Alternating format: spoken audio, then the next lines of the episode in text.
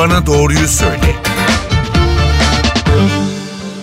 NTV Radyo stüdyolarına hoş geldiniz. Ben Öykü Özdoğan. Doktor Bana Doğruyu Söyle programındasınız. Girişimsel radyoloji neştersiz ameliyat üzerine sohbet edeceğiz bugün. Stüdyo konuğumuz Florence Nightingale Hastanesi girişimsel radyoloji uzmanı, aynı zamanda Cerrahpaşa Tıp Fakültesi öğretim üyesi Profesör Doktor Murat Cantaş Demir. Hoş geldiniz stüdyomuza. Hoş bulduk efendim. Teşekkür ederim. Hocam girişimsel radyoloji son zamanlarda çok duyduğumuz modern çağın mucizesi diye adlandırılan e, bir branş diyeceğim ama nedir tam olarak? Biraz ayrıntılı bizim anlayabileceğimiz gibi anlatır mısınız?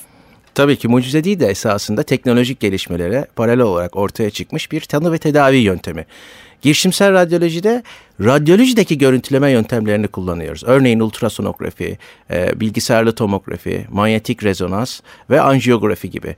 Bu görüntüleme yöntemleri eşliğinde vücudun istediğimiz bölümünü görüntüleyip e, orayı kesmeden orayı e, herhangi bir ameliyat yapmadan görüntüleyebiliyoruz ve görüntülediğimiz yere damar yoluyla navigasyon gibi veya deriden girerek ulaşıp tanı ve tedavi yapıyoruz. Esas da girişimsel radyolojinin gerçek tanımı bu. E, hastalar mı tercih ederek size başvuruyorlar yoksa o şekilde mi yönlendiriliyorlar? Herkes biliyor mu? Ee, herkesin bildiğini söyleyemem. Çünkü çok teknolojik bir dal olduğu için bir de son 20 senede büyük aşamalar e, getirdiği için e, bazen direkt hastalar bizi bulup bize başvurabiliyorlar ama genelde tümör konseyi dediğimiz konseylerden çıkan kararlar ve hastalara uygulayacağımız tedaviler sonrası hastalar bizi buluyorlar. Son zamanlarda hastaların bireysel olarak bizi bulması çok artmış durumda. Ameliyatsız tedavi olarak algılıyoruz biz bunu. Neşter yok, kesi yok. Evet. E, bu ameliyat e, ne kadar sürüyor peki? E, girişimsel radyolojik prosedürler ve operasyonlar genelde e, ortalama olarak bir buçuk saat civarında sürer. 10 e, dakika süren e, operasyonlar da var. Bunun yanında 5-6 saat süren operasyonlar da var.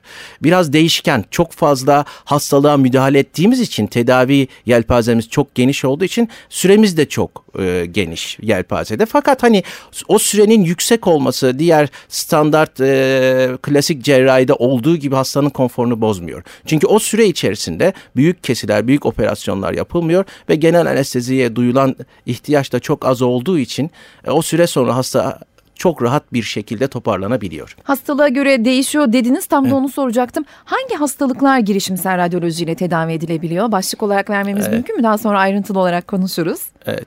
Çok geniş bir yelpaze esasında. Çünkü vücudun her tarafını görüntüleyebildiğimiz için her tarafına müdahale etme şansına sahibiz mantık olarak düşünürsek. Hı hı. E, bunları belli başlı başlıklarda inceleyebilirsek özellikle damarsal hastalıklardan başlayabiliriz. Girişimsel radyolojinin ilk kurulduğu zamanlar klasik yaptığımız işlerdir bunlar. Genelde ateroskleroz yani damar tıkanıklığına bağlı e, gelişen böbrek damar tıkanıklıkları, bacak damar tıkanıkları, diyabetik hastalarda gelişen diyabetik yaraların iyileştirilmesi, anjiyoplastiler, stentler bunlar klasik tedavilerimiz. E, bunun yanında e, son yıllarda gelişen mesela örneğin ameliyatsız e, zayıflama tedavisi. Halkımız belki bunu çok az biliyor ama şu anda Amerika Birleşik Devletleri'nde ve Türkiye'de bu uygulanıyor.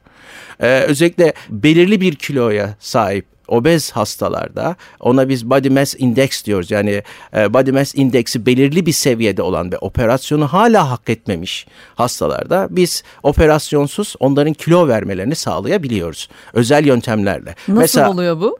Nasıl oluyor? Şöyle mesela örneğin mideden salgılanan işte hormonu var. Bu daha önce bilinmiyordu. Sonra ortaya çıktı. Hı. Hani halk arasında der ya acıkınca midem zil çalıyor diye. Esasında zil değilmiş, o hormonmuş. Ama gerçekten de böyle bir şey varmış. var tabii etti. var tabii atalarımız şaşırmamış her zamanki gibi klasik olarak. Mesela o midenin belirli bir bölgesinden salınıyor.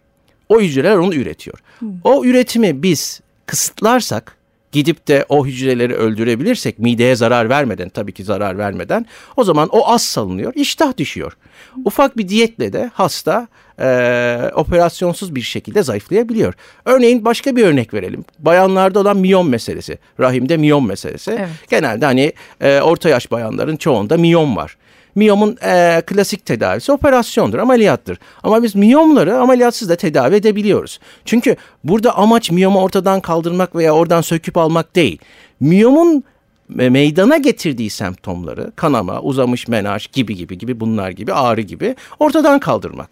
E, bunu çok kolay bir şekilde başarabiliyoruz. Mesela varisler var bacak varisleri. Bacak varisleri eskiden o ameliyatla tedavi edilirdi. Şimdi yaklaşık 30 dakikalık bir operasyonla lazerle yok edilebiliniyor. Üstelik bir kesi, bir iz, herhangi bir ameliyat yarası da izlenmiyor.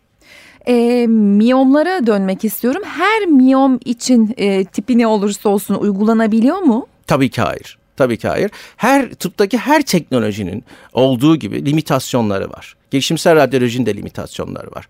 Hastanın yaşı, e, genel adet durumu, çocuk isteyip istemediği, artı miyomların lokalizasyonu, nerede olduğu şeklinde hastaya özel kişiselleştirilmiş bir tedavi ortaya koyuyoruz. Ama genelde miyomların çoğunu uygulanabiliyor. Ee, peki o zaman aynı soruyu genel olarak girişimsel radyoloji için de sormak istiyorum. Ee, herkes girişimsel radyolojiye başvurup tedaviden e, olumlu sonuç alabiliyor mu? Daha doğrusu herkese uygulanabiliyor mu bu neştersiz ameliyat? Tabii ki hastalığı uygun olan herkese uygulanıyor. Öyle cevaplayayım soruyu. Fakat bazı kriterler var ki o kriterler olduğu zaman zaten hastaya biz herhangi bir tedavi uygulayamayız. Mesela kan tablosundaki bozukluk örneğin. Kanamaya yatkın, kanamaya trombosit sayısının düşüklüğü örneğin. Aktif enfeksiyonlar, hastanın genel durumunun çok bozuk olması gibi e, birkaç neden bizim girişimsel radyolojik tedaviler yapmamızı engelliyor. Ama bu engel girişimsel radyolojide daha sınırlı. Çünkü esasında girişimsel radyolojinin ortaya çıkmasının sebeplerinden birisi de diğer tedavilere engel teşkil eden koşullarda bizim işin içine girip tedavileri uygulamamız. Yani yüksek teknolojiyi kullanarak daha zor durumda olan hastaya müdahale edebilmemiz. Hmm. Ee, sanki neşterli kesi olan ameliyatlardan daha avantajlıymış gibi geliyor. Çünkü e, ameliyatın süresi sanki daha kısa gibi anlıyorum. Var mı gerçekten bir avantajı diğer ameliyatlara göre? Ee, bunu şöyle demek yanlış olur. Hani neşterli ameliyata, normal klasik ameliyata çok üstündür. İşte çok avantajları vardır. Hayır. E, demin de bahsettiğim gibi tıpta her tedavi yönteminin avantajı, dezavantajı vardır. Ama eğer böyle bağımsız bir e, karşılaştırma yaparsak klasik cerrahiyle e, bizim yaptığımız operasyonlarda, bizim yaptığımız girişimsel radyolojik prosedürlerde bir, bir kere büyük bir kesi gerekmiyor. Hasta fazla kan kaybetmiyor. Fazla sıvı transfüzyonuna ihtiyacı yok. Hastanede kalma süresi ya yok ya da bir iki gün ile sınırlı. Normal hayatına dönmesi, normal aktüel faaliyetlerini yerine getirmesi için artık bir hafta on gün falan gerekmiyor. Bir iki gün içerisinde dönebiliyor. Ve teknolojiyi de kullandığımız için hastalar daha az ağrı duyuyor daha az hastanın konforu bozuluyor. Bu hatta birçok hastaya biz tedavi yaptığımızda ya gerçekten yaptınız mı işte bunu başardınız mı? Biz hiçbir şey hissetmedik diyen hastalarımız bize şaşırarak bunları ifade ediyorlar. Anestezi bazı hastaların çekindiği konulardan biri. E, girişimsel radyolojide lokal olarak mı uyguluyorsunuz? Biz girişimsel radyolojik tüm prosedürlerde lokal anestezi uyguluyoruz. Yani o bölgeyi uyuşturuyoruz. Ama bazen bizim de genel anesteziye ihtiyaç duyduğumuz vakalar olabiliyor. Mesela bunlar özellikle çocuk vakaları olsun veya yoğun bakımdaki hastalar olsun veya girişimsel radyolojinin de çok zor prosedürleri var. Hasta biraz daha konforlu olsun, rahat olsun diye genel anestezi uygulayabiliyoruz. Ama genel anestezi ve narkozun en az kullanıldığı ve onun da yan etkilerinin en az ortaya çıktığı işlemler girişimsel radyolojik işlemler.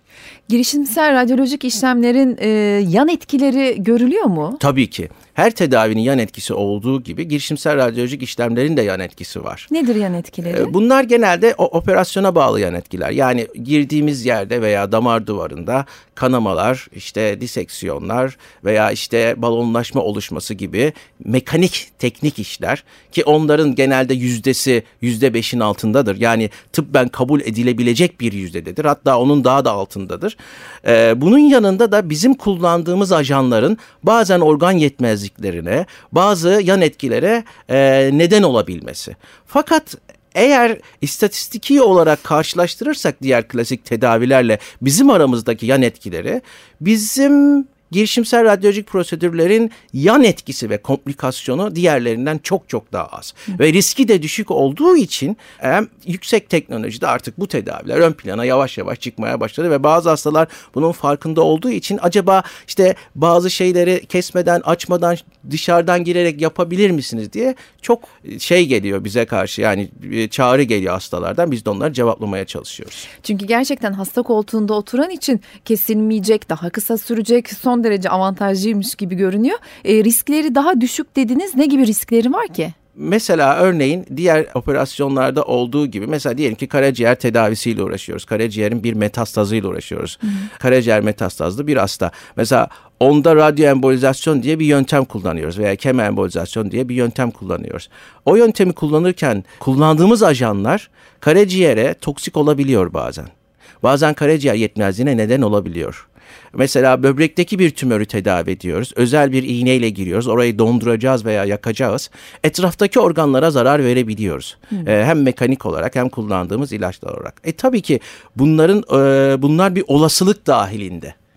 E, ameliyat süresi daha kısa, hastanede kalma süresi daha kısa, evet. tedavi süresi, iyileşme süreci de daha kısa mı diye insan aklına geliyor. O e, hastalığın e, öyküsüne niteliğine bağlı. Bazı hastalıklar var ki gerçekten iyileşme süresi çok kısadır. Hele bizim yaptığımız yöntemlerle daha da kısa oluyor. Ama bazı hastalıklar var ki iyileşme süresi birazcık zaman alır. O biraz hastalıkla ve insanın e, o hastalığa verdiği cevapla ilgili. O değişken bir şey. Dolayısıyla her neştersiz ameliyat başarılı olur mu diye soracaktım. Bu da kişiye ve hastalığa göre değişiyor o zaman. Tabii, tabii ki, tabii ki. Tabii. Ee, peki girişimsel radyolojide neştersiz ameliyatta öncesinde ya da sonrasında diğer ameliyatlardan farklı yapılması, hastanın kendisini hazırlaması açısından bile olabilir bu. Yapılması gereken şeyler var mı veya sizin açınızdan uzman hekim olarak daha farklı bir muamele görüyor mu ameliyat öncesi ve sonrasında? Yok hayır. E, klasik nasıl bir hastaneye kan vermeye giderken aç gitmeniz gerekiyor. Sabah kahvaltısını etmemeniz gerekiyor.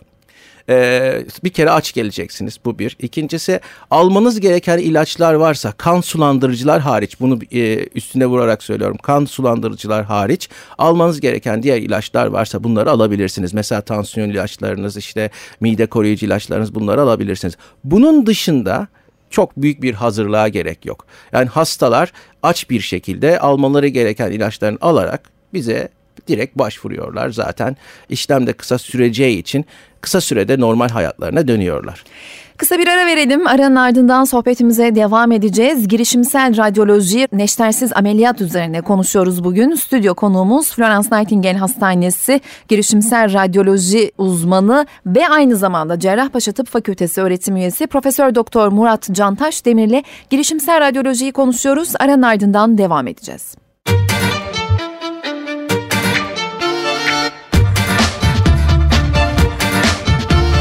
Doktor Bana Doğruyu Söyle devam ediyor. Doktor Bana Doğruyu Söyle programında bugün girişimsel radyoloji üzerine sohbet ediyoruz. Stüdyo konuğumuz Cerrahpaşa Tıp Fakültesi öğretim üyesi ve Florence Nightingale Hastanesi girişimsel radyoloji uzmanı Profesör Doktor Murat Cantaş Demir'le. Ee, Reklam arasında tiroid hastalıklarında da girişimsel radyolojinin kullanıldığından bahsettiniz. Ee, ne zaman devreye giriyor tiroid rahatsızlığında girişimsel radyoloji? Ee, şimdi biliyorsunuz özellikle orta yaş bayanlarda tiroid nodülü instansı yani sıklığı çok fazla. Tiroid nodülü demek tiroid de bir yumru demek. Hı hı. E, tiroid nodüllerinin %90'ından fazlası benin yani selim kanser değil. Ve bazen çok büyük boyutlara ulaşıyor. Etrafa bası yapıyor. Ve bazen de bu büyük boyutlar özellikle bayanlarda kozmetik problemlere yol açabiliyor. E, operasyonla bunlar alınabilir. Normal klasik cerrahiyle alınabilir. Ama hani bayanlar kozmetik kaygılarından dolayı hani tam o boynun ön tarafında böyle bir kesi izini pek istemiyorlar. E, bazen de hani cerrah bu tiroidin çoğunu almak gereğini duyabilir ve ömür boyu bir ilaç kullanmak gereği ortaya çıkabilir. Ee, yeni teknolojiyle artık bu selim dediğimiz kanser olmayan tiroid nodüllerinin içini boşaltmak dışarıdan girerek ve kesmeden özel iğnelerle RF ablasyon dediğimiz yani radyo frekans ablasyon dediğimiz veya microwave ablasyon dediğimiz o nodülleri yakarak küçültmek artık çok mümkün. Böylelikle selim bir nodülden dolayı iyi bir tedavi olmuş oluyorsunuz ve kozmetik iziniz de kalmamış oluyor ve çoğu zaman ilaç kullanmak zorunda kalmayabilirsiniz tiroid nodülü ameliyatlarında o görsel olarak e, bahsettiğiniz izin olmamasının yanı sıra şu da çok merak edilir. Özellikle sesiyle bizim gibi iş yapan insanların e, nodül ameliyatında acaba sesim etkilenir mi gibi bir korkusu vardır. Bu bahsettiğiniz tedavi yönteminde e, ses etkileniyor mu? Ee, şimdi maalesef şöyle bir şey söyleyeyim. Ee, o bölge ses için önemli bir bölge olduğu için bazı sinirlerde sesi e, çıkaran bazı sinirlerde oradan geçtiği için Türkçe konuşuyorum. Hani halkımızın anlaması için. Ee, bizim yaptığımız işte de ses kısıklığı olabilir ama bunu çok iyi yaptığınız süre içerisinde ve teknik olarak yeterli bir iş yaptığınız sürece bu demin söylediğiniz ses kısıklığı veya sesin tonunun değişmesi komplikasyon oranı çok çok düşük yüzdelerde. Tiroid dışında programın ilk yarısında da bahsettik. Miyomlarda ve varislerde de kullanılabilir dediniz. Varis tedavisinde bir yan etkisi söz konusu oluyor mu girişimsel radyolojinin? Ee, yan etki olarak variste en sık görülen ağrıdır. Bazen de o bacakta lazer yaptığımız bacakta parestezi dediğimiz halk arasında işte uyuşukluk, tuhaf hisler, karıncalanma gibi bazı şeyler olabilir ilk bir iki gün. Ha bu arada biz varis tedavisini yaptıktan yaklaşık bir iki saat sonra hasta evine gönderiyoruz. Onu Öyle da mi? söyleyeyim. Tabii o kadar kolay. Bunlar birkaç gün sürer ağrı ve uyuşukluk veya işte karıncalanma ondan sonra belirgin bir komplikasyonu yoktur. Böbrek ve bağırsak e, damarı darlığının tedavisinden de bahsedelim mi? Tabii ki. Bağırsak damarı e, kronik veya akut olarak ikiye ayrılır. Yani süre gelen, uzun süreden beri olan ateroskleroza bağlı bağırsak damarı tıkanıklığı olabilir. Bu insanlarda sitofobi oluşturur. Yani yemek yemekten korkmak. Bu insanların genelde son 6 ay içerisinde çok fazla kilo kayıpları vardır. Artık yemek yemekten korkarlar. Çünkü bağırsak damarı dar olduğu için bağırsaklar harekete geçtiğinde yemek yedi, yiyip de bağırsaklara bir saat sonra besinler gittiğinde bağırsak düzgün çalışamadığı için ağrı ortaya çıkar. Hasta tipik olarak yemekten bir saat sonra ağrı duymaya başlar. Ve yemek yememeye başlar. Bu kilo kaybıyla gelir. Bize geldiği zaman aynı anjiyo yapıyoruz. İşte kasıktan anjiyosunu yapıyoruz, giriyoruz. Bağırsak damarını buluyoruz. Orayı genişletiyoruz, stent koyuyoruz. Ve bu şikayetler ortadan kalkıyor. Rahat rahat yemeğini yiyebiliyor. Bir de bunun daha tehlikelisi var. Akut olanı. Özellikle kardiyak hastalarda olur. Ee, oraya gider bir pıhtı atar ve aniden orayı kapatır. Aniden kapattığı için vücut onu kompanse edecek vakti bulamaz. Çok ölümcüldür. Bağırsakların nekrozuyla, ölümlülüğüyle karşı karşıya kalır e, hasta. Ve bizim yaptığımız yine anjiyografi, trombolitik tedavi ve oradaki pıhtıyı eritici tedavi hayat kurtarıcı oluyor bu tür hastalarda. Damar tıkanıklıklarının tedavisinde nasıl işliyor girişimsel radyoloji süreci? E, damar tıkanıkların tedavisinde bizim birçok silahımız var. Bunlardan en belli başı balon anjiyoplasti ve stentler. Yeni stentler çıktı şu anda. İlaç salınımlı stentler çıktı. E, radyasyon salınımlı stentler çıktı. Bunlarla birlikte damar tıkanıklarını e, ortadan kaldırmayı düşünüyoruz. Bir de aterektomi cihazlarımız var. Yani aterektomi cihazı şu demek. Ateroskleroz var ya damar tıkanıklığı. Damarın o, o, o bölgesindeki aterom planı onu kazıyıp oradan alabiliyoruz. Bir de trombolitik tedaviler var. Özel ajanlarla yapıyoruz biz bunları. Ve oradaki pıhtıyı girip içeriye kimyasal olarak eritebiliyoruz.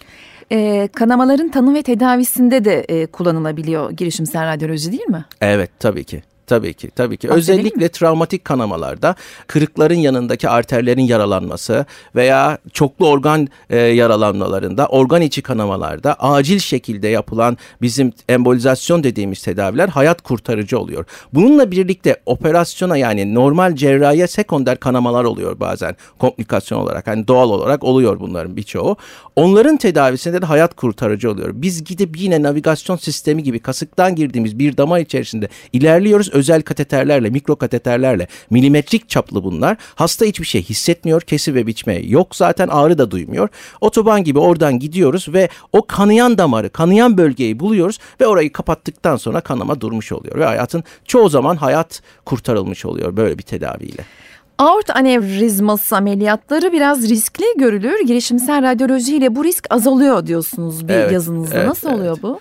Ee, şimdi aort anevrizması şu demek biliyorsunuz hem e, göğüs bölgemizde hem karın bölgemizde ana atar damarımız var bizim. Yani ana arterimiz. Bu bayağı geniş ve oldukça da duvarı e, sağlam bir dokudur. Fakat yaşla, aterosklerozda veya vaskülitik hastalıklar gibi hastalıklarla bunun damar duvarı e, zayıflıyor. Zayıflayınca balonlaşıyor. Balonlaşınca incelen duvardan kan sızmaya başlıyor ki oradaki basınç çok yüksek olduğu için oradaki bir kan sızması ve rüptür yani yırtılma veya patlama ölümcül olabiliyor. Önce bunu patlamadan önce görmek lazım ve onun bir belirli bir santimetresi var. O santimetreyi aşarsa tedavi yapmak lazım. En ideali bu. Şimdi son yıllarda artık e, kalp damar cerrahları da bu yöntemi kullanıyorlar. Yani endograf yapıyorlar. Operasyonla o baloncukları almıyorlar. Çünkü operasyon mortalitesi yani operasyonda Allah korusun ölme ihtimali çok yüksek.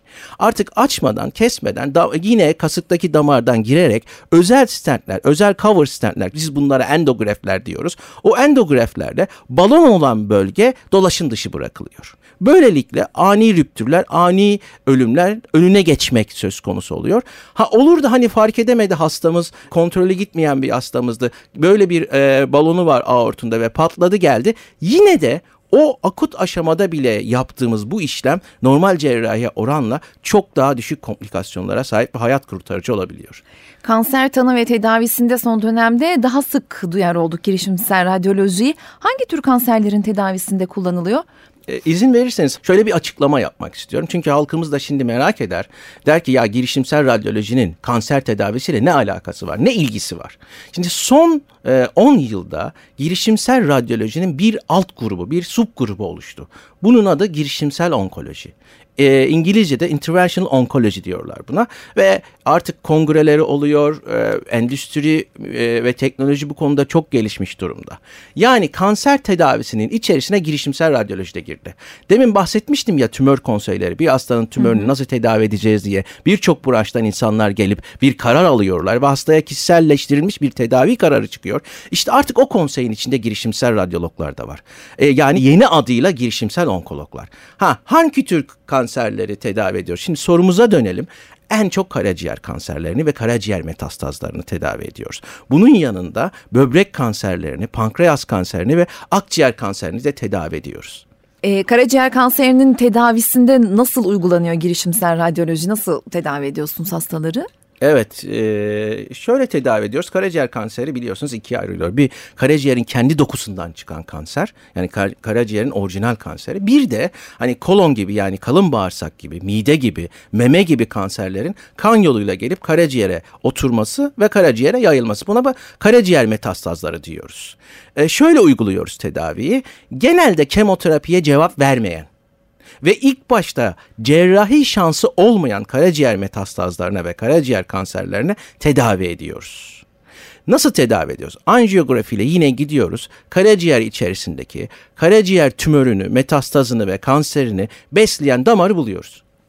Ve o damarın içerisine biz ya ilaç zerk ediyoruz ya da direkt radyasyon zerk ediyoruz. Bunlar da öyle e, teknolojik işler ki şöyle söyleyeyim size. E, insan saç telinden daha da ince mikro küreler var. Bu mikro küreler, atom küreleri diyoruz biz bunlara. Bu mikro kürelerin içerisinde radyo izotoplar var. Yani radyasyon yayıyor.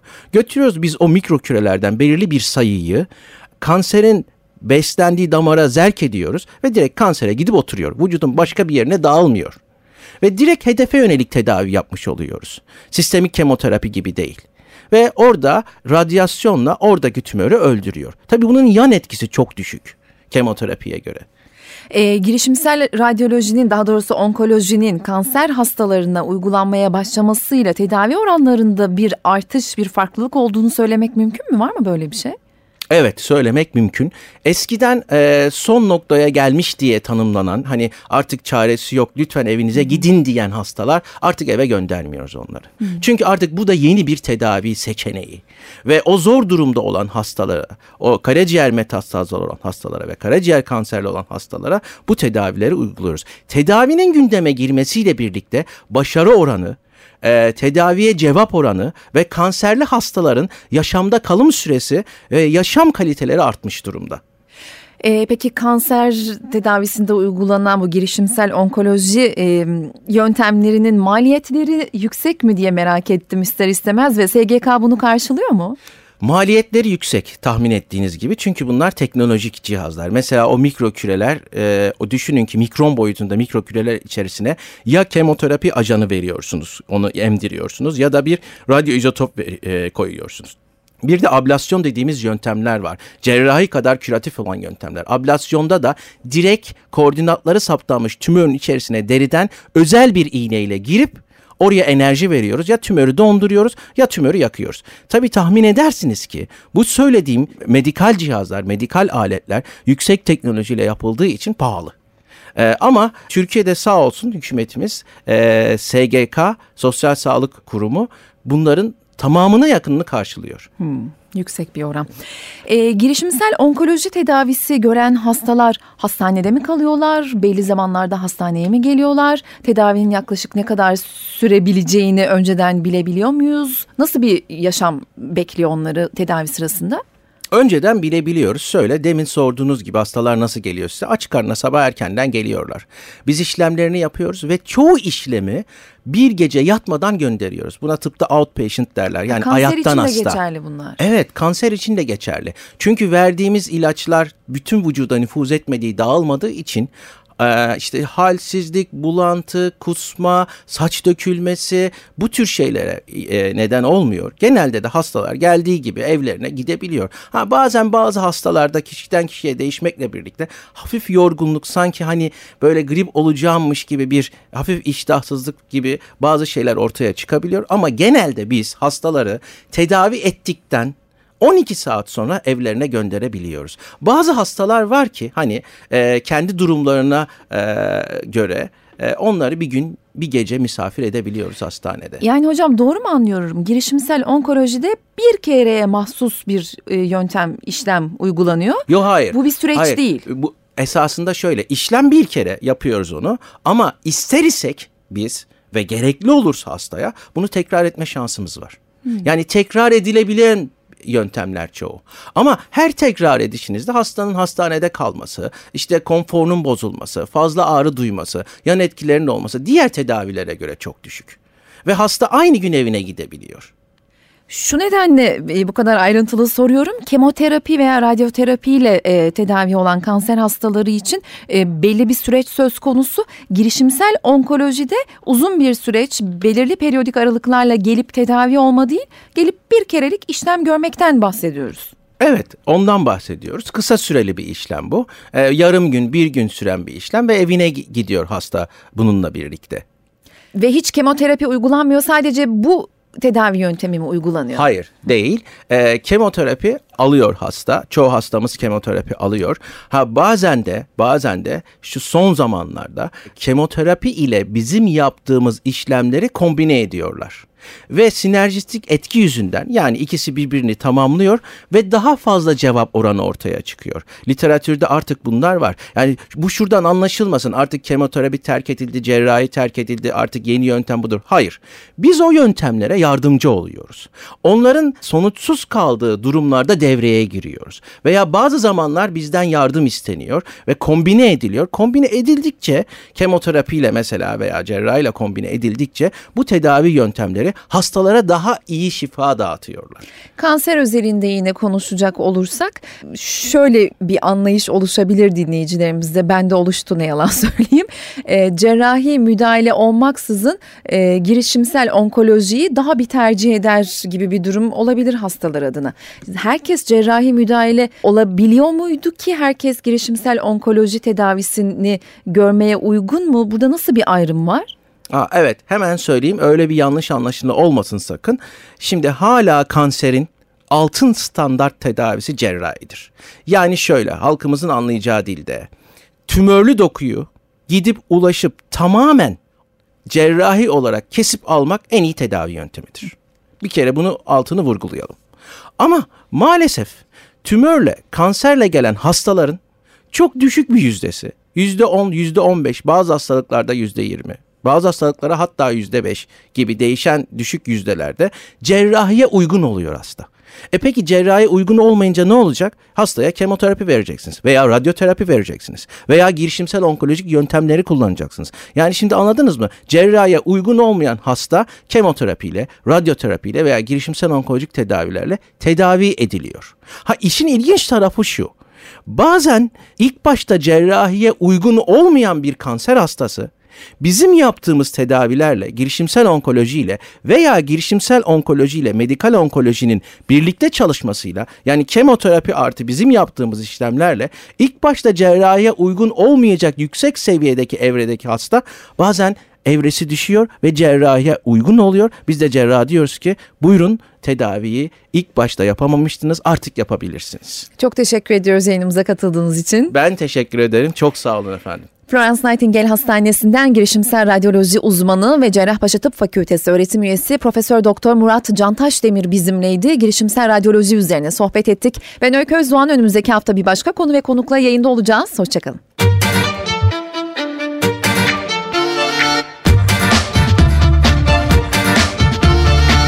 Doktor bana doğruyu söyle.